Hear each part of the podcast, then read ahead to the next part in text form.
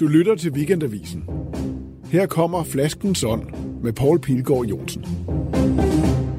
Vi skal have noget i glasset. Ja, det skal vi jo. Øh, Jeg ved ikke rigtigt, altså, skal du åbne den, eller skal jeg? Jo, det, er den bare. Skal jeg åbne Du, den? du har Okay. sikkert mere erfaring. det er jo mig, der har...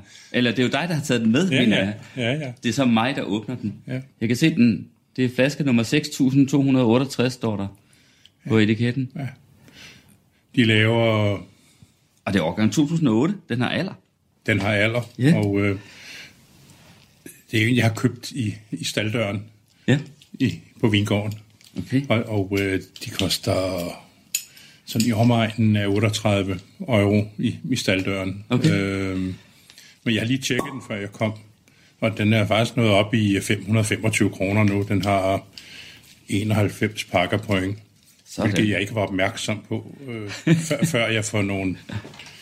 Ja, det er et halvt års tid siden havde inviteret nogen til en vinsmagning, øh, hvor øh, det både kører på forskellige øh, druetyper, men også på årgange. Ja. Og så må jeg tænke, må jeg lige tjekke, inden, inden jeg serverer den her for, for mine gæster. Og så havde de alle sammen over 90 pakker point, dem jeg havde købt øh, sådan bare lidt ved siden af, når man nu køber frikadellevin, øh, Dolcetto og Barber d'Alba. Ja, ja, det her det er Barolo. Ja. Nå, men før vi kommer for godt i gang, så øh, må vi heller lige få fortalt, hvad hedder det, lytterne øh, af, af podcasten her, Flaskens Ånd, øh, hvem det er, der er gæst herhjemme hos mig, Paul Pilgaard, i, øh, i kanappen. Øh, og øh, altså jeg forudser, at øh, det her det bliver et, øh, et program, hvor vi nok kommer til at tale om være journalist, eller om journalistik i hvert fald. Fordi Michael Engelbrecht, du er jo journalist uddannet, ligesom jeg er, Ja, Aarhus skal bemærkes. også her. Og øh, så bliver det nok også en snak om Frederiksberg, fordi du er jo inkarneret Frederiksberger. Født her, Født på Martinsvej nummer 8, men, Bor her. men det er nu et tilfælde, vil jeg sige, fordi det var jo Rigshospitalets fødeklinik okay, i den på den måde. Men du bor her, og så stillede du faktisk i, det kan jeg huske, i 2017 op øh, til, øh, til øh, Frederiksberg kommunalbestyrelse. Du kom ikke ind. Det var en skam. Jeg synes godt, at øh, der kunne have været plads til en, en festlig type som dig. Og det siger jeg, fordi jeg jo faktisk mødte dig under din valgkamp hen på Caféen Team. Fordi mm. mit indtryk var, at meget af din valgkamp foregik på værtshusen, ikke? Det er rigtigt, fordi jeg havde jo valgt et tema med, med levende kultur, og jeg mener jo, at øh, mange af værtshusene, det er levende kultur. Mange af dem har jo mere end 100 år øh, på bagen, og, og, og bærer øh, historien med sig. Mm. Og det tænkte jeg, at det vil jeg gerne slå et slag for. Men øh, den levende kultur og kultur i det hele taget slår til sydenland ikke igennem ude hos vælgerfolket. øh, det var noget af det første, jeg fik at vide. Jeg meldte mig jo ind i, i, i hos de konservative øh, fire måneder før, ellers kunne jeg jo ikke stille op. Og øh, der kom jeg så på nogle interne kurser, hvor de sagde, øh, det der med kultur, øh, når vi er færdige med, med det, alt det sociale og øh, alle de her strukturer i samfundet, som vi skal passe på, så er der 2%, der tænker på kultur. Mm. Så det er ikke der, I skal hente jeres stemmer og tænke, det der, det er løgn. Men øh, det var jo rigtigt.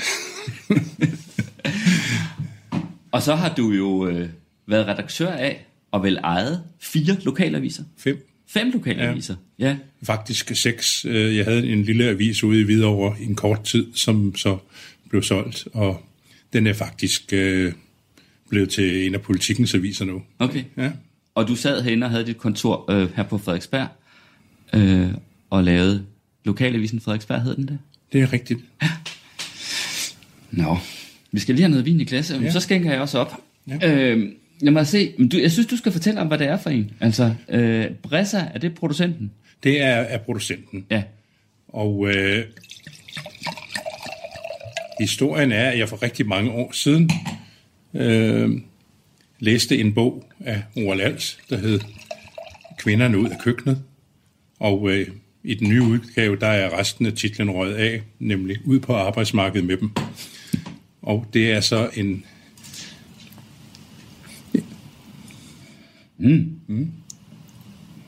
Det dufter dejligt. tror, den skal have en lille smule luft. Mm. Om 10 minutter er den bedre. Men, Ej, det smager dejligt jo. Øh, bogen, det, det er, det er jo ja. sådan en, en, øh, en dannelsesrejse igennem mm. Italien, mm. Hvor, hvor han er inviteret af Dameblad, og, og øh, den røde tråd, det er, om der skal fløde i spaghetti carbonara eller ej. Så det han ender og spørger om mange steder. Et af stederne, det er så i Barolo øh, på Brezza øh, Hotel og Restaurant, hvor han står og kigger Carla over skulderen, mens hun laver mad. Ja. Og det beskriver han så fint, og så har han en tegning hvor, øh, med udsigten fra hotellets terrasse, hvor man sidder om aftenen og kigger over mod slottet og den lille by. Og så tænkte det må jeg også prøve. Og så da jeg fik en veninde, som øh, havde en forkærlighed for Dolcetto d'Alba, og så, så kom vi forbi, og så skulle vi købe noget Dolcetto, og så spurgte vi efter Carla i den her by hen hos bageren. Og så sagde de, det er oppe på det fine hotel. Og så gik vi derop, og der var hun samme endnu. Hun havde fået en ny frisyr, men ellers var det det samme. Og det viste sig så, at øh, hotellet havde en, en vinafdeling i kælderen, hvor man øh, vinificerede for, for 12 lokale marker. Mm. Og det var ikke kun Dolcetto, vi fik med, vi fik også Barbera d'Alba, og vi fik en del Barolo, og øh, nogle druer, som jeg ikke kendte før jeg kom, det er blandt andet en, der hedder Freisa. Mm. Og alt sammen ganske glimrende, og så tænkte jeg, nu, nu må jeg gøre en, en lille forretning ud af min hobby. Så jeg begyndte at importere. Og det endte så med, at jeg altid havde to paller vin stående i min garage. Øh, med et par hundredtusind var der bundet i den. Og det gik også meget godt, fordi folk syntes, det var rigtig god vin. Men hver gang jeg skulle sælge til en restaurant, så sagde det, det er fint. Øh, øh, vi vil gerne have 20 kasser mm. hver måned. Og så sagde jeg, det er ikke så godt, jeg har kun 50 kasser i det hele, og øh, øh, den, er, den, er, den er udgået fra forlaget. Mm. Øh, så, så det endte jo med, at, at der blev solgt lidt til venner og bekendte, og så resten, det har jeg så selv drukket hen ad vejen. Okay. Og så startede Udgået fra producenten, ja. må det være i den her ja. sammenhæng. og så um, startede jeg avisen. Fordi jeg havde et, et, et godt uh, redaktørjob i Berlingske Lokalaviser. Men så ville du være selvstændig? Mm, nej, det ville jeg nu ikke. Jeg ville havde forudset, at jeg skulle gå og brokke mig lidt over ledelsen der de næste 30 år. Uh, men... Uh, Øh, der skete det, at jeg så en dag blev kaldt ud til, til førerbunkeren på Avedøre, og så kom de med nogle papirer, og så sagde de, det her det er jo listerne over dem, øh, vi har ansat i dit center, og øh, du er jo leder, så du kan jo godt se, at, øh, at din løn stikker lidt ud i forhold til de andre. Så nu vælger vi at fyre dig i stedet for to andre. Mm. Og så, ja, det var jo, så sagde jeg noget med, at øh, at hvis øh, de kiggede på timelønnen, så skulle de måske have lavet et andet regnstykke, men øh, det måtte de jo selv om. Og så gik du selvstændig? Og så tænkte jeg, nu bliver jeg jo aldrig Frederiksberg-redaktør øh, på Frederiksbergbladet. Øh, der sad Peter Erlitz øh, jo ja. godt. Så nu må jeg jo gøre noget selv. Og så lavede du en konkurrerende avis? Jeg ringede faktisk til min direkte konkurrent i Rødovre dengang, og, og spurgte, om han ville være med på et avisprojekt. Og det ville han gerne. Og det gik ret godt? Ja, det gik godt, så længe ja. det var. Man kan sige, markedet er jo på vej ned. Ja. Jeg, kom, jeg kom ud i tide. Du fik det solgt? Ja. ja. Vi skal skåle, Michael Engelbrecht. Ja. Lad os bare klinke. Det gør vi gerne her i flasken sådan. Dejlig glas. Mm. Spiegelau, dem har jeg også. Og dejlig vin. Se, når jeg havde lyst til at invitere dig, Michael, så er det ikke bare fordi, du er journalist, fordi du bor på Frederiksberg, og det derfor var lidt oplagt, øh, når nu det er her, at øh, jeg og Flaskenson residerer, men også fordi jeg øh, tidligere i programmet her, og det var så dengang, det blev sendt på Radio 24 gentagende gange har beskæftiget mig med et øh, særligt miljø, nemlig øh, kredsen omkring Henrik Stangerup, afdøde forfatter Henrik Stangerup, og øh, jeg vil næsten opfordre til, at man går ind og lytter til de programmer, der har været sendt. Øh, de ligger på Podimo. portalen, hvor de er gratis. Og øh, man kan sikkert bare google. Vi har haft programmer om Henrik Stangerup, vi har haft programmer om Elsa Græs, øh, som var en anden øh, af kredsen. Jeg har haft øh, en optagelse, eller to optagelser med øh, komponisten Ilja Berg, der desværre nu er død, men som var en af Henrik Stangers bedste venner. Alt sammen i forsøget på at indkredse et særligt miljø, som var særligt af mange grunde, men jo også fordi i de her årtier, 60'erne, 70'erne, til dels 80'erne, hvor næsten alt kulturlivet i Danmark var kulturradikalt venstreorienteret, der udgjorde de her mennesker en lille enklave af folk, der i hvert fald ikke var venstreorienteret. Så var de sikkert måske borgerlige i forskellig grad, men alligevel, det var øh, faktisk et, øh, øh, et alternativ til det, der ellers var kultureliten. Øh, og apropos, så er der nok nogle af lytterne, der har, der har hørt en af de mest berømte radiomontager, der er lavet i Danmark nogensinde. Den ligger stadig på Danmarks Radios hjemmeside. Den vandt et hav af priser, blandt andet den fineste radiopris i verden, Prietalia, som hedder Eliten i minefeltet, og som handler om de her mennesker. Og så kommer vi til det, Michael Engelbrecht, fordi jeg ved jo, du var bartender i minefeltet. Og minefeltet, det var jo øh, nogle af de små gader øh, inde i Indre By, brolæggerstræder og deromkring, hvor nogle af de her øh, mennesker kom. Og øh, man kan i forskellige bøger øh, og altså radioudsendelser faktisk høre om øh, et helt særligt miljø, der måske havde sit epicenter på baren Drop In. Og der var du bartender. Der var jeg bartender. Hvor gammel var du da? Ja, jeg har jo kun været 18-19 år, ja. så jeg er jo den yngste Så du har, mødt ældste. alle de, du har mødt de her mennesker? Jamen, det, de var der jo altid. De var jo på inventarlisten. Jeg skal lige rette dem. Minefeltet, det er jo nede på den anden side af Købmagergade og, og Højbroplads. Og øh, Ej, men øh, altså, radiomontagen, der er eliten mm. i minefeltet, den handler jo om den lejlighed, som, som øh, lå i Brolæggerstræde, hvor pianisten Claus Herford boede. ja, som jeg kendte, og ikke mindst hans søster, en meget sød pige. Okay? Ja. Og, og som var sådan et øh, samlingssted, jeg ved ikke rigtig, hvordan man skal beskrive det. Der boede godt nok nogle mennesker, men det var jo også et, øh, et sammensurium af druk og... Det, ja, det eneste, der var i lejligheden, og- det var nærmest en, en film. Det var det der kæmpe koncertflyl. Og så et kæmpe koncertflyl, hvor Claus Herford, han var pianist, mm. og Jure Moskvitin spillede. Ja. Og Jure Moskvitin ja. var jo altså, ham fik jeg ikke nævnt før, men han er jo ikke uvæsentlig her, fordi han øh, var en central skikkelse. Øhm, han, han har udgivet en del bøger, han er desværre også død nu. Øhm, måske ikke så mærkeligt, for det var mennesker, der levede et hårdt liv.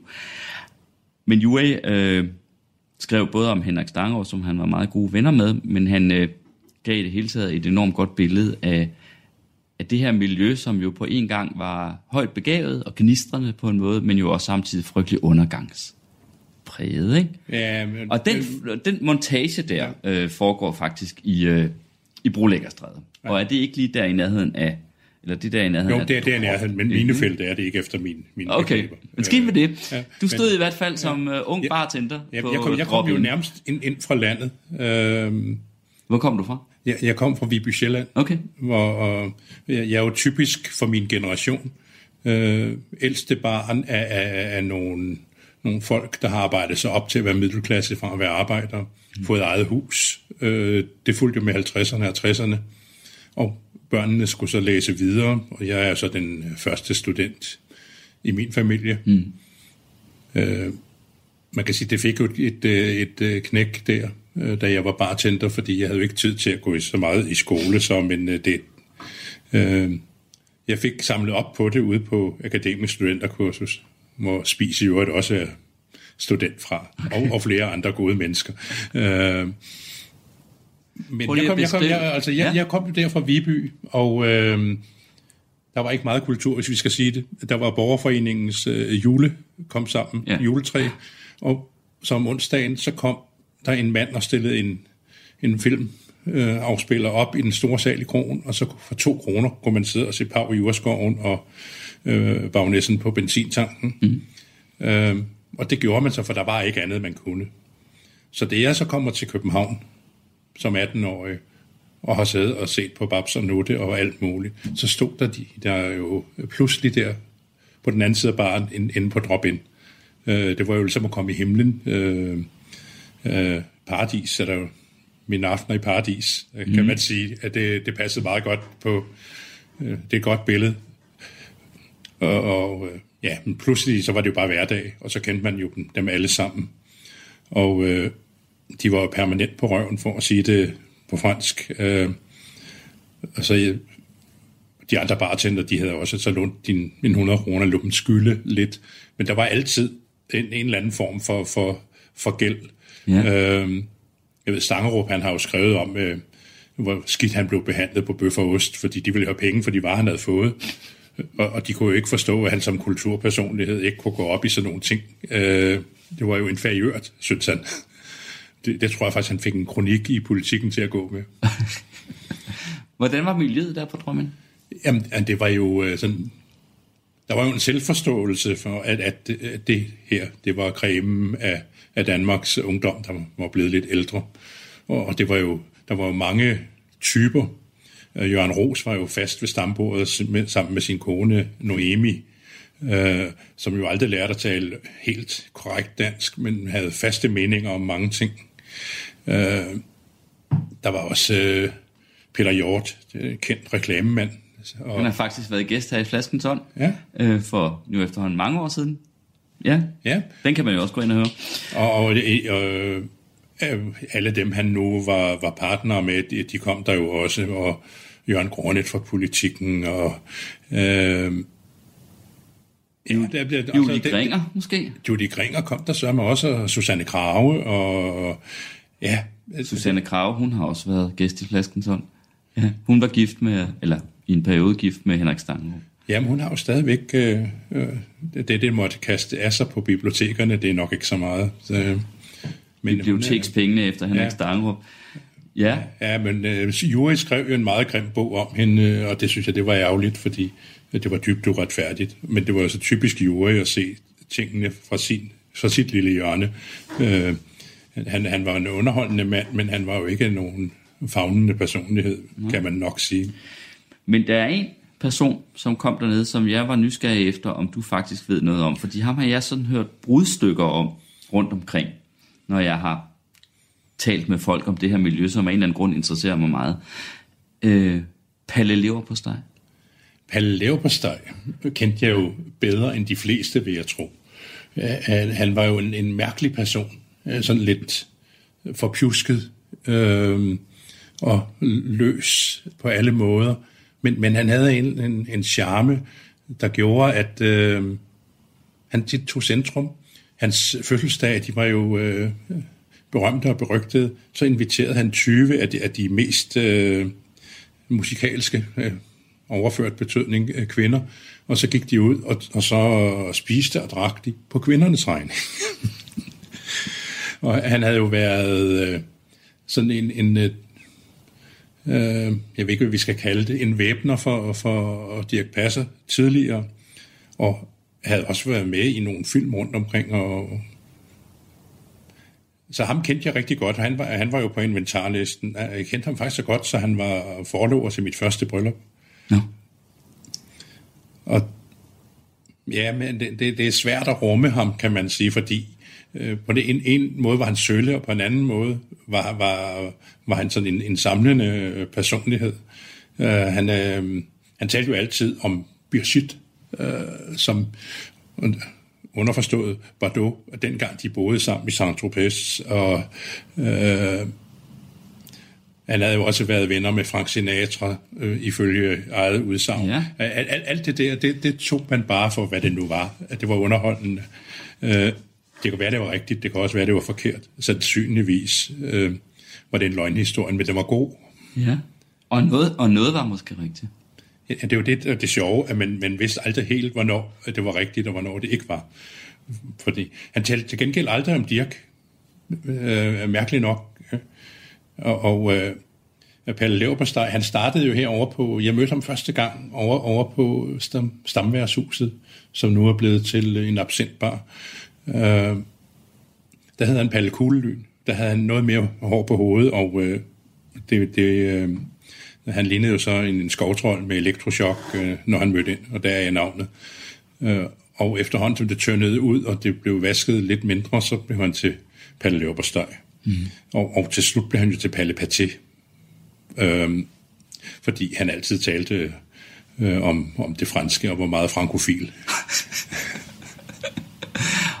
og levede til dels i en eller anden form for fantasiverden måske. Ja, men han, han var jo også en praktisk mand, fordi han kørte jo Kodan-bil, og jeg kørte Kodan-bil, da jeg læste i Aarhus. Så øh, vi, vi kørte op og ned ad gaderne øh, i hver vores øh, gamle, øh, eller det var, de var så nye, men øh, model 123 Mercedes med, med 240 motor i, så det... Øh, som var taxichauffør? Som taxichauffør. Og det var du også. Skål. Ja, det var jeg også dengang, og... Øh, jeg tog hjem, jeg kunne flyve hjem i weekenden fra Aarhus, fra mm. Journalisthøjskolen, og der, øh, når jeg så havde kørt de her tre vagter, så var jeg den rigeste student i Aarhus, når de, øh, selv når, når de her billetter var trukket fra. De kørte altid på nogle røde og grønne. Mm. Nogle gange havde jeg gang i både øh, to og tre billetter på en gang, for at få det til at gå op med, med rabatterne. Så det, det var meget sjovt. Der mødte jeg så Paul Klargaard, fordi han, han fløj jo også Skuespilleren? Over. Ja. Og der var han ganske ukendt. Han hed vel næsten Rasmussen endnu. Øh, og ham sad jeg ved siden af den her flyver øh, indtil flere gange, og så til sidst tilbød han, at jeg kunne køre med, fordi han skulle til DR-byen i, i Aarhus, og jeg skulle på Journalisthøjskolen. De ligger lige over for hinanden. Mm. Og så sagde han, øh, vent, vent, vent øh, et halvt år, så er jeg berømt. Og det var han også, fordi han var med i julekalenderen.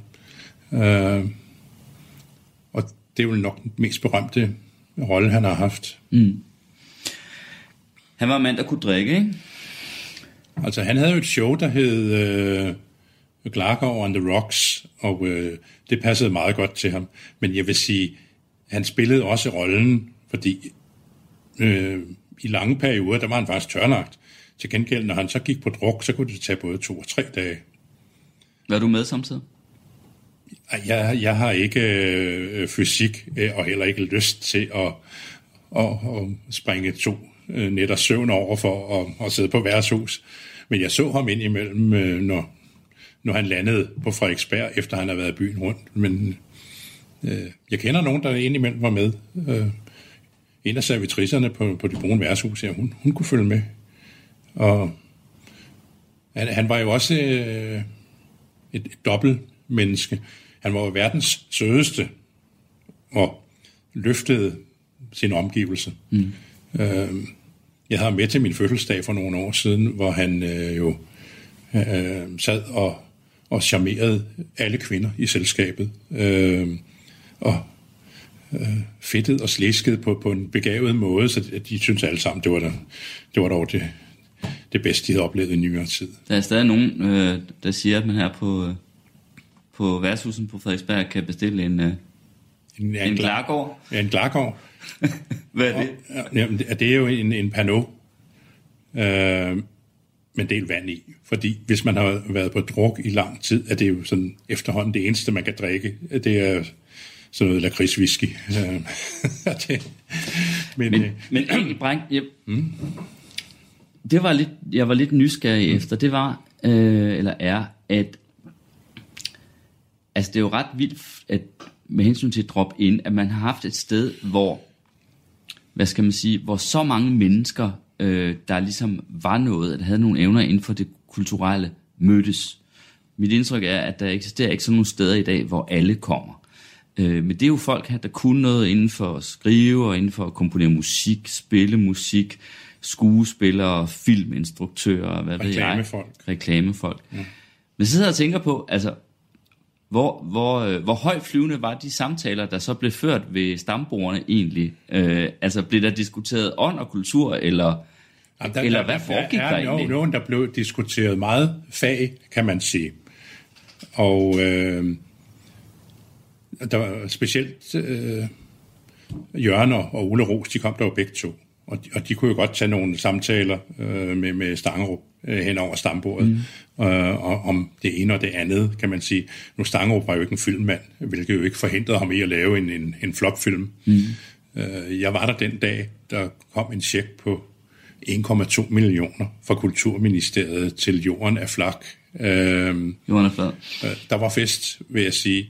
Og, og jeg har jo hørt, at de skulle så til at optage filmen i Brasilien, og, og Fausto Wolf skulle være Rasmus Berg øh, i Rasmus Montanus. Spille hovedrollen ja, i filmen. Så var der faktisk ikke øh, penge til at lave det ordentligt. Øh, alle de der øh, optagelser, som man ikke lægger mærke til, men som skal være der. Øh, sådan dækbilleder. Øh, de blev ikke lavet, for der var ikke penge til film. Okay, men du var simpelthen på drop ind øh, den dag, han fik at vide, at han havde fået den her, det var rigtig, rigtig mange penge på det her tidspunkt, øh, til at lave øh, den her film. Øh, altså, da, da, han sad simpelthen på drop ind. Ja, og de trak sig jo vanvittigt fulde. Og da de så skulle gå, og, og nu kan jeg jo afsløre det, jeg har aldrig sagt det til nogen før, øh, der ville de ikke betale. At jeg faktisk ville de slet ikke betale, fordi de syntes, at, øh, at det var jo ikke nødvendigt, når... når øh, Alene det, de var der. At, når de nu var der, og, og, de, og, de havde, og de havde fået øh, officiel anerkendelse, så det mindste værtshus kunne gøre, det var jo sådan set at finansiere deres fest. Mm. Øhm, men på et tidspunkt, der smed de jo alle sammen tøjet. Øh, og, og der var en samgæst, som blev kaldt Helle the Breast. Helle the Breast? Ja. Øh, Fordi hun havde et stort øh, brystparti, eller hvad? Hun, hun havde sådan nogle, jeg ved ikke, jeg er ikke så godt inde i, i de mål der, men jeg vil sige, øh, de C-skåle, jeg kender, de, de blegnede lidt. Hun var nærmest henne i, i H eller I, hvis, hvis vi skal fortsætte alfabetet. Øhm, ja. Og hun, hun blev også grebet af stemningen og smed noget af tøjet, og så dansede de meget rundt og havde det sjovt. Øh, der så jeg så mit snit til at, at hugge Faustus tøj, fordi det var ham, der havde pengene. så Fausto, han gik øh, derfra i en kort øh, skinjakke og intet andet, ørkenstøvler, og Juri øh, gik øh, derfra øh, i en, en bluse med V-udskæring, som han havde trukket på den anden vej. Så øh, der var udsigt til, til sækkepipen. Og så kom der så en fra filmselskabet næste dag og hentede øh, tøjet og betalte regningen. Men, men ellers tror jeg aldrig, at, øh, at man havde set nogen penge der. Og øh, tjenerne skulle jo selv afregne. Så øh, den øh, lille Bent har været der. Øh, han var en, en kendt tjener fra Tokanten, der tidligere var indstedet, hvor han stod over sammen med Alfredo. Og øh, alle, alle var velfornøjet med det her. Øh, og jeg tror også, at Fausto og Juri, de kunne grine af det bagefter. Men det endte simpelthen med, at de smed tøjet alle sammen den dag. Den dag, hvor øh, der... Stangrup havde det, det fået det skete, det skete finansieret sin film. Øh, jeg havde oplevet Helle før. Helle Stangrup? Nej, nej, Helle, Helle the Breast. Nå, Helle the Breast, ja, undskyld, ja, ja, ja, nu er vi nok ja, måske ved at fornærme ja, ja. Helle Stangrup. Og, ja, hun, hun smed Henrik Stangrups søster. Så, um, så var der en, jeg tror, han har været tyrker, øh, jugoslav, øh, til stede. Han var ude i telefonboksen, og så gik der jo syv minutter. Så stod der ti mand, øh, man kunne se, nok øh, hans arbejdskammerater, familie, for det skulle de opleve det her. Øh, hun var sådan noget af en... Øh, Brystbombe. Øh, ja, øh, jeg ved ikke, hvad vi skal kalde det, men øh, en attraktion for værtshuset, må man sige. men det var sjovt nok, det værtshus, fordi, netop fordi det var det, det var og alle de var sådan et eller andet ved musikken. Øh, ja. Jeg har også læst i en klumme, du har skrevet, i, øh, ja. fordi du skriver faktisk klummer i Frederiksbergbladet i dag. Uh, så på en eller anden måde, så ja, er der jo... Det, det har jeg taget op på mine gamle dage. Ja, så er ringen ligesom sluttet, nu er du tilbage ja. uh, ved Frederiksbergbladet. Men der har jeg læst, at, uh, at du også var til stede på Drop In den dag, hvor Joe Moskvitin, som jo blandt andet var musikanmelder, mm. klassisk musikanmelder ja. for politikken, den dag han rent faktisk øh, missede en koncert, men alligevel skrev en anmeldelse af den. Jamen, det er jo sjovt. Hvilket så blev opdaget. Ja. Og så røg øh, han ud. Vi sad jo på drop-in. Jeg har haft fri den dag. Øh, og det er jo ligesom Dan Jural skriver, at, at betjeningen var der jo altid på den ene eller den anden side af barn. Øh, og, og det var rigtig hyggeligt. Og øh, jeg tror, Plastik Ole var en fabrikant, som også var en del af stampublikum. Han var i godt humør, så øh, pegefingeren, den kørte øh, med omgange. Øh, og det, ja, det var så hyggeligt, så, så Jure han sagde, ah, nu, øh, nu skal jeg snart over på Rådhuset. Der er den her koncert, det er godt nok kedeligt, men... Øh, og, og tiden gik, og han nåede aldrig derover. Og så sagde han, om jeg skriver bare et eller andet lala Og, og det var jo så fint, bortset fra, at de havde skiftet repertoire, fordi en musiker var blevet syg, så, så soloen den kunne ikke spilles. Og det kostede ham jo jobbet, kan man sige. Og Fordi han anmeldte han koncerten anmeldte den alligevel, koncert, selvom den slet ikke havde eksisteret. Skål. Men altså, jeg vil sige, man kan meget sammenligne med, med herværk, øh, som jo er en nøgleroman, øh, for der er ligger øh, en menneskealder tidligere. Tom Christensens Ja. berømte, meget berømte journalistroman Herværk, Ja. ikke? For, for det, jeg kan se mange paralleller i hvert fald, øh, når, når jeg ser tilbage på det. Måske er det også det, der har fascineret mig ved hele det her miljø. Øh, denne her blanding af gnistrende begævelse og så heroverdruk. Altså, det er jo, det er jo faktisk herværk om igen. Jeg har ikke tænkt på det før. Jamen det er, fordi nu kan man sige, mange af dem, de, de var jo noget og blev til noget. Mm. Men øh, Claus Herford, som jo gik for at være den mest begavede pianist i sin generation, han nåede jo kun sin debutkoncert. Øh, han kom aldrig til at optræde offentligt igen. Så døde han af druk. Han, han, han øh, drak sig fra det. Ja. Og det er jo lige præcis det, som den her meget berømte radiomontage, Eliten i minefeltet, som jeg simpelthen ikke kan anbefale nok at folk at gå ind og høre på, Jamen, jeg har på Danmarks Radios hjemmeside. Ja. At, øh, den, den, den har ligget der i mange år, den ligger der stadig, og det er, det er helt forrygende.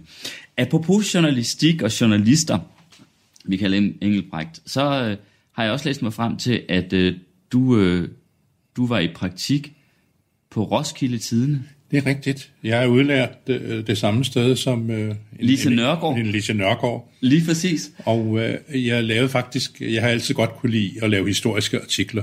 Mm. Og så faldt jeg over øh, en gammel artikel om en pennefejde, der havde været efter krigen, hvor øh, den, den gik på, at, at øh, Roskilde ville have en Roskilde-sang. Og så udskrev man en konkurrence, og Lise Nørgaard sendte et udmærket bidrag ind, men det var ikke hende, der vandt. Det, det var en eller anden skolelærer, der havde skrevet ganske rigtigt, som Nørgaard bemærkede i, i krigen bagefter, noget temmelig ubehjælpeligt. Men øh, juryen kunne bedst lide skolelæreren, så hun, hun skrev så øh, nogle meget øh, velformulerede, men grimme ting omkring øh, priskomiteen og hele det setup. Og der ringede jeg til hende, for at høre, det, for at høre hvad hun nu havde at sige om det her.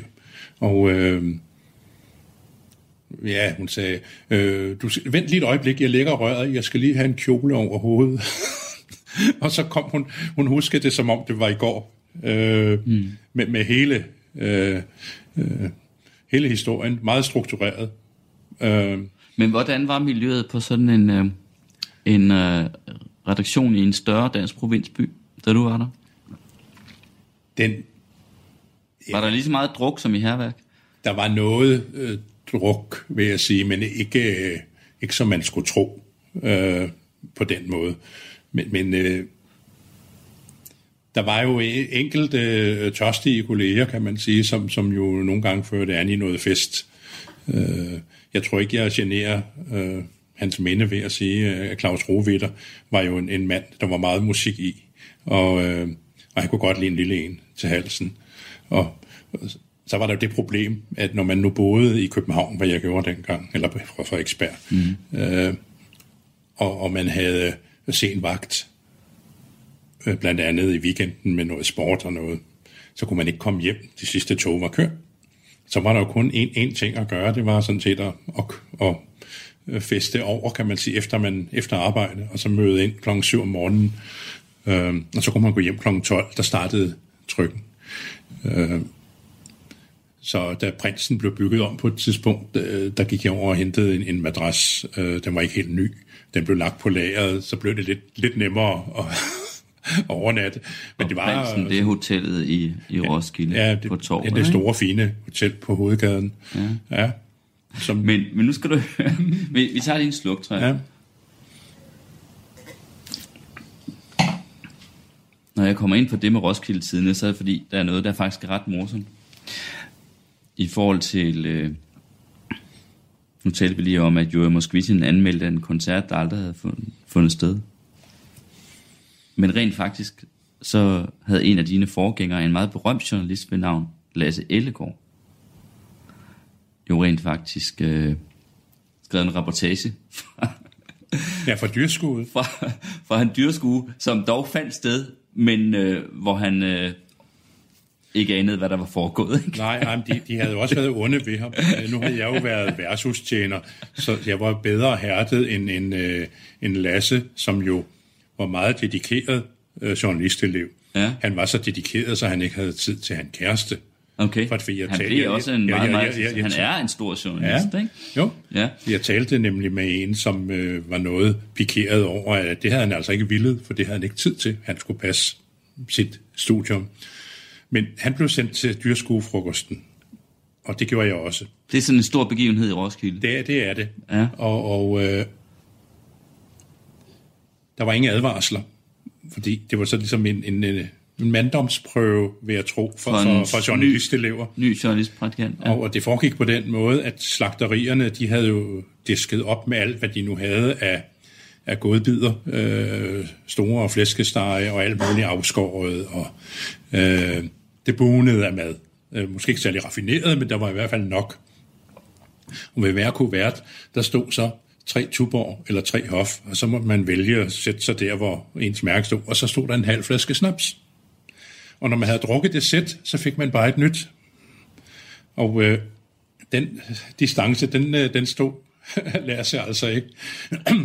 så han endte øh, så klokken 4 om morgenen, da han var vågnet op ude øh, i en boks ved siden af præmieordnerne. Der lå han godt nok i noget ren halm, og så havde de givet ham en præmie på røven, fordi han var simpelthen gået ud som et lys. Og Det, men dedikeret som han var, så, så kravlede han over hegnet, og så gik han hjem i Hersegade til redaktionen, og så skrev han sin reportage om, øh, at øh, solen skinnede, og flagene de blafrede, og øh, der var glemt i, i lakken på majetærskerne, og det, det var jo meget fint.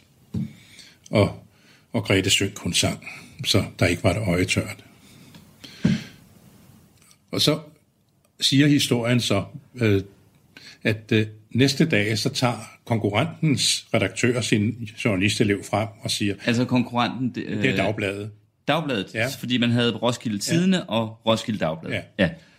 og siger til sin journalistelev, prøv nu at se her, denne, denne her unge mand over, over Lasse på tidene, ja, han har jo skrevet en reportage.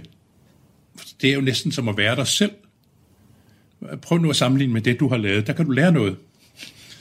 Og så siger denne her mand, øh, ja, der er jo det lille problem, at øh, det var plad og regnvejr. Der var ingen sol. Øh, flagene, de hang ned af stængerne på grund af regnen, og i øvrigt var det Grete Mogensen, der sang.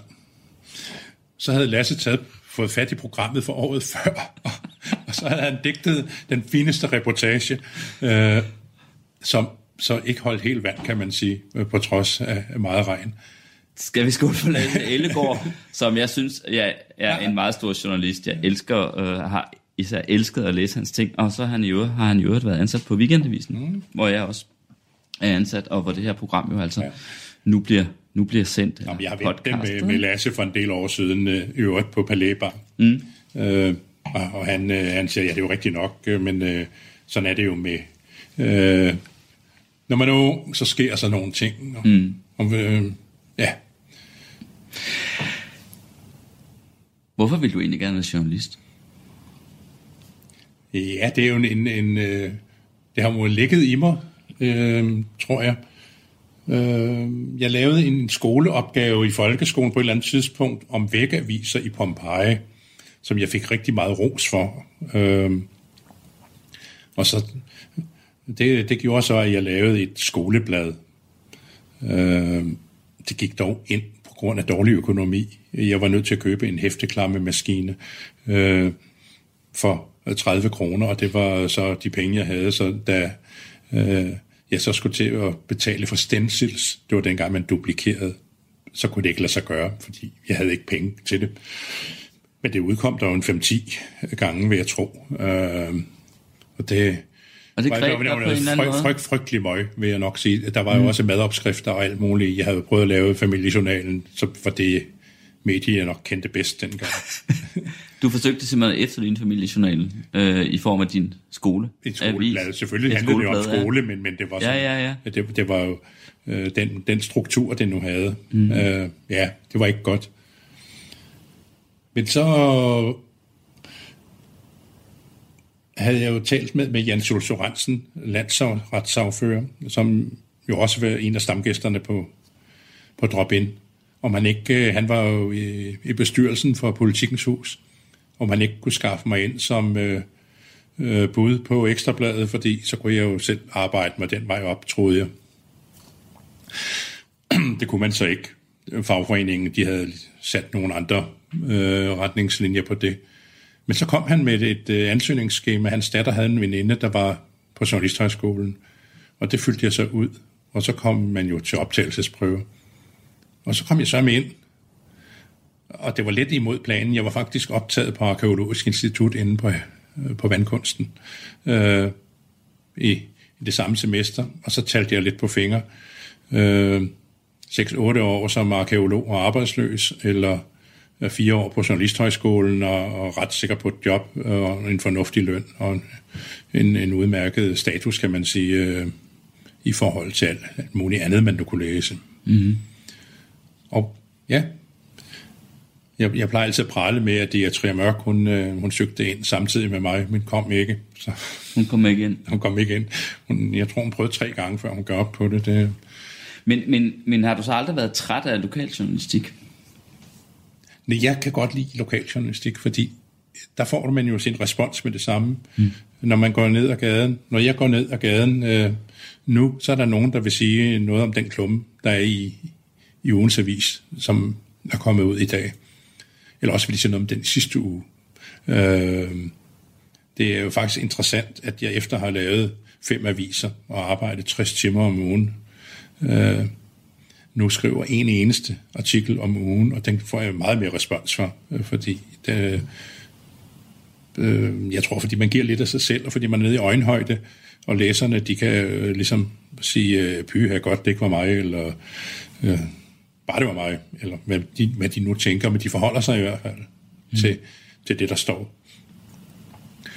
Det er så også lidt af et pres, kan man sige, fordi øh, indimellem, og det ved du jo selv, så får man lavet nogle rigtig gode artikler, og, og andre gange, der er de måske øh, er de okay, men, men øh, det er ikke, det er ikke Pulitzer-stof.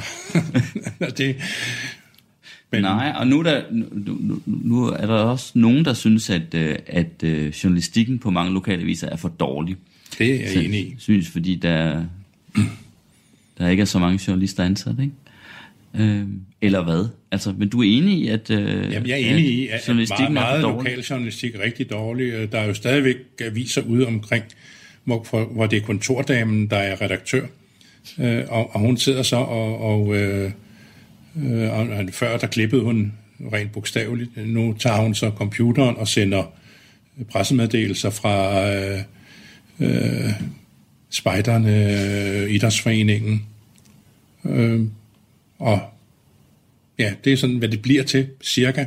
Altså sætter det direkte i avisen? Og de sætter direkte i, og øh, der er ingenting om, hvad der foregår på Rådhuset, andet hvad de selv sender ud, end at nu, nu er der juletræsfest, eller øh, nu er der det store loppemarked. Der er ingen kritisk journalistik? Forsøgte der, du at være en kritisk journalist, da du øh, drev ja, dine aviser? Det, det synes jeg nok. Jeg, jeg mm. har jo ligget sådan, altså, øh, den tidligere borgmester var jo ikke specielt tilfreds med mig altid, fordi Øh, jeg, jeg skrev jo ud, ud fra et, et øh, som, som borgerens repræsentant omkring det, der blev vedtaget. Øh, og øh, jeg, jeg tror til sidst fandt vi en eller anden forståelse, at øh, han var politikeren, og jeg var journalisten, og vi behøver ikke at være enige om alt. Øh, og det, men til at begynde med, der havde man jo ikke været vant til, at, at der var nogen, der havde nogen mening på Frederiksberg. Det var, der var kun, der var kun borgmesteren, der, der kom i avisen. Mm. Og, og jeg kan huske øh, et af de slående eksempler, der var en SF'er, der hed John Grave, som øh, sådan prøv, prøvede at, at, at skubbe sine meninger igennem, så godt han nu kunne. Og så på et tidspunkt, der har han faktisk fundet en, en forsidehistorie. I din avis? Nej, nej, i Frederiksbergbladet. Nå, dog. Men det var borgmesterens billede, der var på. Og, og, og, og borgmesteren, øh, han havde kun én bemærkning til alt det her. Øh, det aller sidste afsnit, borgmester John Winter, han mener ikke, at det her det, det har nogen gang på jord, så altså sådan. Øh, Men det var hans billede, der kom på. Det var hans billede, der kom på.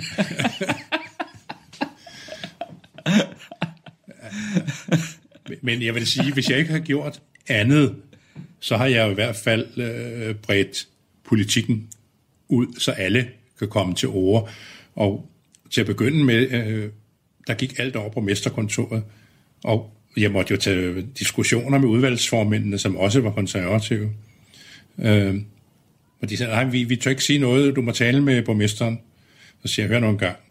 Når jeg nu spørger om, om det her faglige emne, så ved borgmesteren ingenting. Så kommer han til dig, og så skal du og din forvaltning svare, og så skal han give mig svaret. Når jeg så vil spørge om noget mere, så skal vi igennem den øvelse en gang til.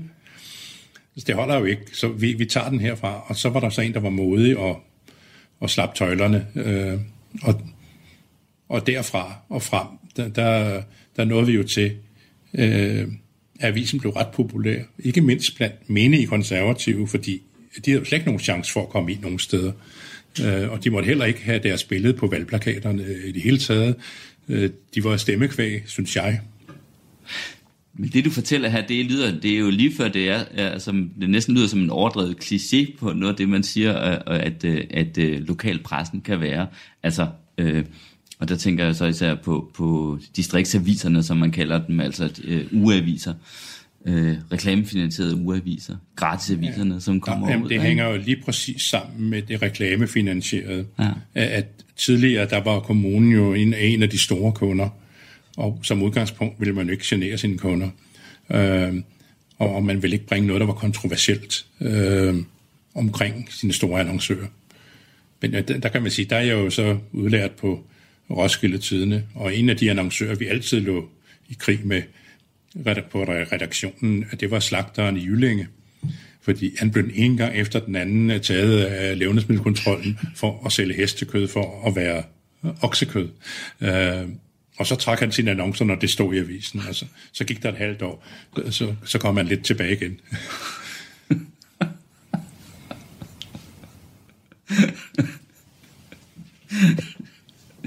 Om ikke andet, Michael Engelbrecht, så kan vi vel trods alt bruge den her lille passage til at konkludere, at det er altså ret vigtigt, at der, at der findes rigtige journalister, ikke?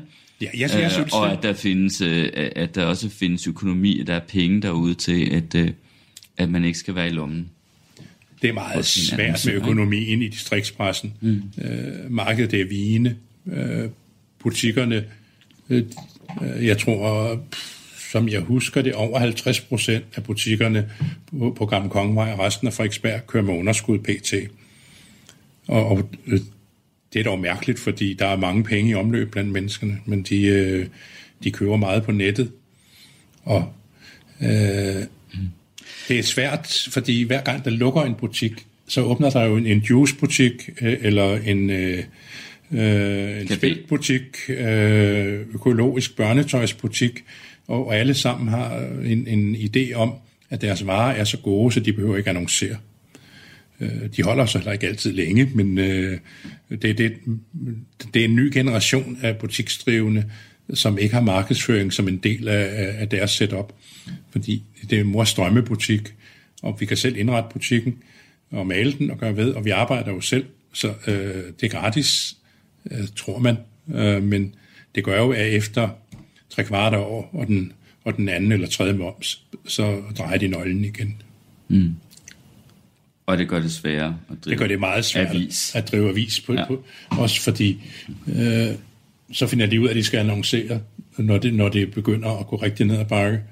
Og så ender man jo med, i stedet for at få penge til avisen, så får man et brev fra en, en konkursadvokat, at, øh, man kan komme med sit krav her, men i øvrigt er der ikke nogen penge i boet. Det er ikke noget at skåle for, så vi Nej. griber gart til glasset. Men Michael Engelbrecht, her mod slutningen, så kunne jeg godt lige tænke mig at tale med dig om, øh, om værtshusene. Fordi, som sagt, jeg fortalte i begyndelsen, at du førte din valgkamp på værtshusene. Øh, man kunne møde dig på Café Intime blandt andet, mm. som jo er et øh, hæderkronet gammelt sted, der ligger oppe ved siden af Frederiksberg Rådhus, og som i, jeg ved ikke engang, hvornår åbnede det, i 20'erne måske, eller sådan noget. Ja, man regner med, at det er omkring 100 år nu. Præcis. Øh, og som jo altid har været tilholdssted for bøsser og transvestitter, og, men mange andre farverige typer også. Skuespillere jo. Øh, Frederiksberg var et, især var et stort skuespillerkvarter engang, ikke? Øh, og i dag, der kommer der alle mulige. Og der er stadig levende musik. En Hver pianist, der sidder og spiller, og der kommer også nogen, der synger. Øh, både unge og gamle øh, sangerinder. Øh, og, øh, og, det, og det er virkelig et fantastisk sted. Men der er jo også, øh, der er også andre steder. Psykopaten, Alenberg, som ligger lige i nærheden, som har åbent øh, hele natten. Ja, det er farligt. Øh, det er en meget farlig tidslomme. Og hvor der også er et, et klaver og så videre. Bare for at sige, at øh, jeg må indrømme, at øh, den dødsrute går jeg ind imellem også, og der er jeg jo faktisk stødt på dig nogle gange. Også når du ikke fører valgkamp. Ja, Så jeg har ligesom på fornemmelsen, at du egentlig går ret meget ud. det gør jeg faktisk ikke. Gør du ikke? Øh, der går alt for meget af min fritid med at arbejde. Jeg, jeg laver jo rigtig meget kultur. Øh, nu, nu, sidste år, der lavede jeg jo over 100 arrangementer. Øh, I år når jeg vel op på noget, der ligner 75 arrangementer. Øh, Og det er opera, øh, jeg, arrangementer. jeg har jo startet Opera Frederiksberg mm. for nogle år siden, fordi øh, jeg, lavede et interview, eller jeg ville lave et interview med Gina Mai Mai, øh, som fik nogle fantastiske anmeldelser, som den fødte liv ude på Holmen. Og så fik hun lige pludselig travlt, så blev det ikke til noget. Så ringede jeg til hende i september året efter, til den, op til den nye sæson, og så nu laver vi det.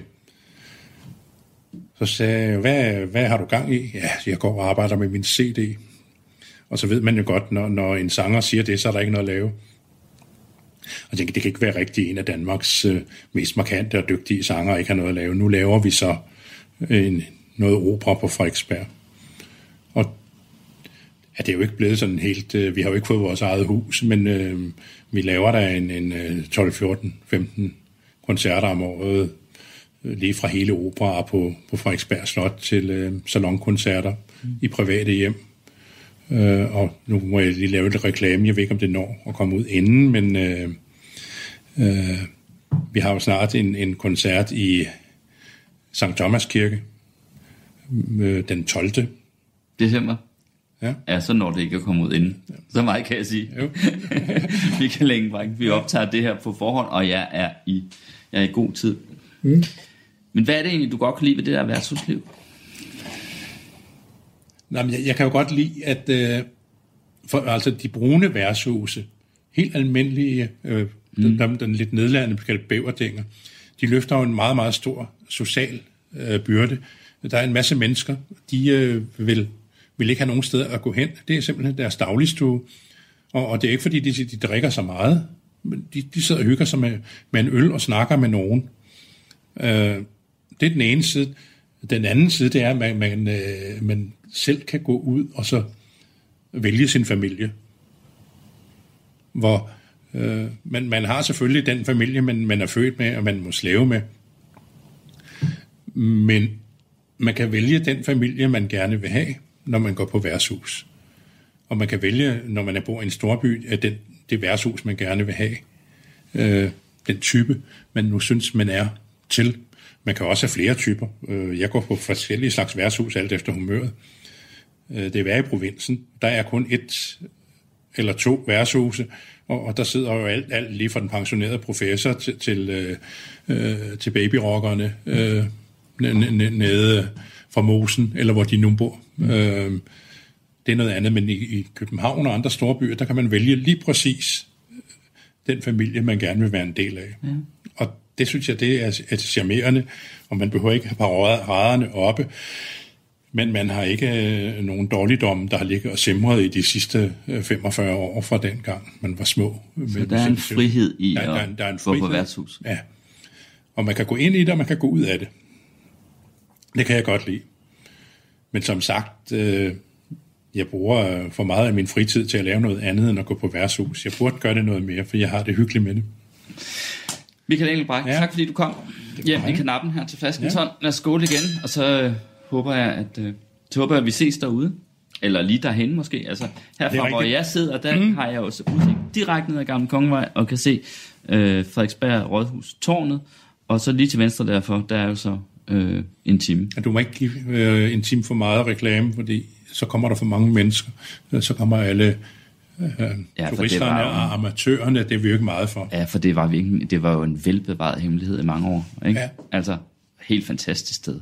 Men øh, der kommer jo også rigtig mange kulturpersonligheder. Ja. Øh, når øh, når det går højt til, er der jo øh, flere, der er udstyret med en røgmert blandt øh, øh, publikum, og øh, der er rigtig, rigtig mange ting. Øh, det, det, det er jo sjovt, at det er en kunstnerisk, øh, hvad skal vi kalde det, rugekasse. Mm. Men man ser nogen, der kommer ind og står og synger lidt falsk og øh, træder sig selv over tæerne. Så går der tre, måske fire år, så står de foran radioens big band øh, og er blevet stjerner. Og, altså det er interessant at være med i det miljø og okay. se det. Men øh, så nøjes vi med at vis- viske om det. Ja, Vi visker om det. Godt.